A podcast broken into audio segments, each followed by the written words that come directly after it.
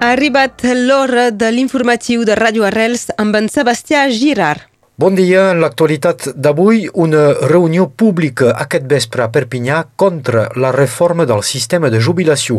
Els partits d'Esquerra, Generació, Europa Ecologia i França Insumisa convoquen la trobada a les sis i mitja a la Sala de Llibertats de Perpinyà.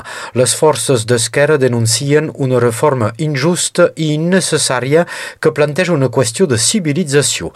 El govern francès vol portar gradualment l'edat de la jubilació a 64 anys. Els tres partits alerten de la gran tensió social que genera aquesta reforma i preveuen mobilitzacions i manifestacions. L'aeroport de Perpinyà anuncia un pla per assolir més de 440.000 passatgers aquest 2023.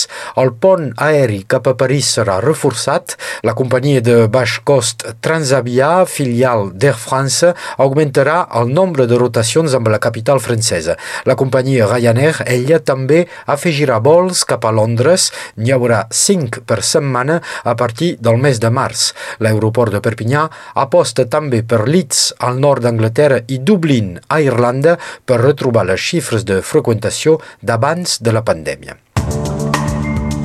A Catalunya Sud, l'empresa Amazon anuncia que obrirà un nou centre logístic a prop de Figueres, a Far d'Empordà.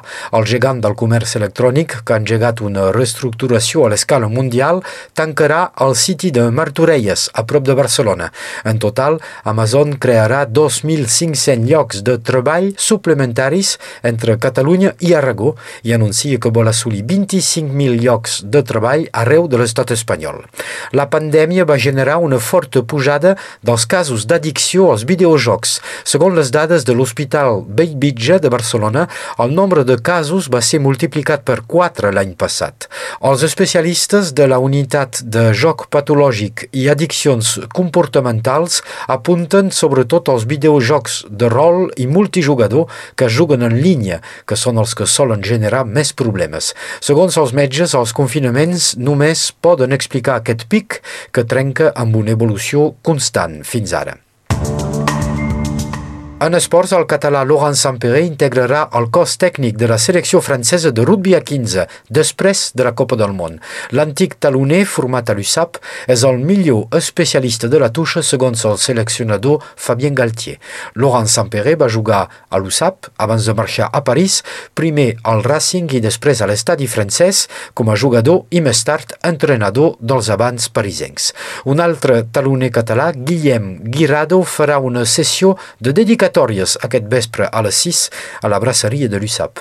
El Ceretà presentarà la seva biografia, un llibre escrit a quatre mans amb el periodista català Gilles Navarro. A l'USAP, Mathieu Acebes serà absent fins al 15 d'abril. La Comissió de Disciplina de la Lliga Francesa de Rugby ha sancionat el capità de l'USAP amb nou partits de suspensió per haver donat un cop de cap al seu adversari en el partit contra La Rochelle.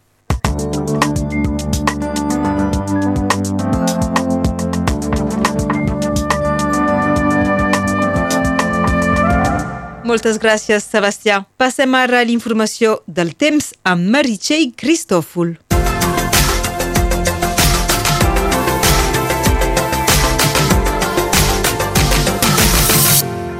Dia. El cel és un poc ennubulat avui. Pel que fa al vent, aquell baixa en intensitat. Les més fortes ràfegues són situades com molt sovint al nivell de la plana del Rosselló. Ens podem esperar doncs a ràfegues màximes de 40 km per hora. Pel que fa a les temperatures, aquelles queden estables. 15 graus a Perpinyà i a Elna, 14 a Canet, 13 a Illa i a Campoma, 12 a Escaró, 11 a Serrallonga, 9 a i 7 a Formiguera.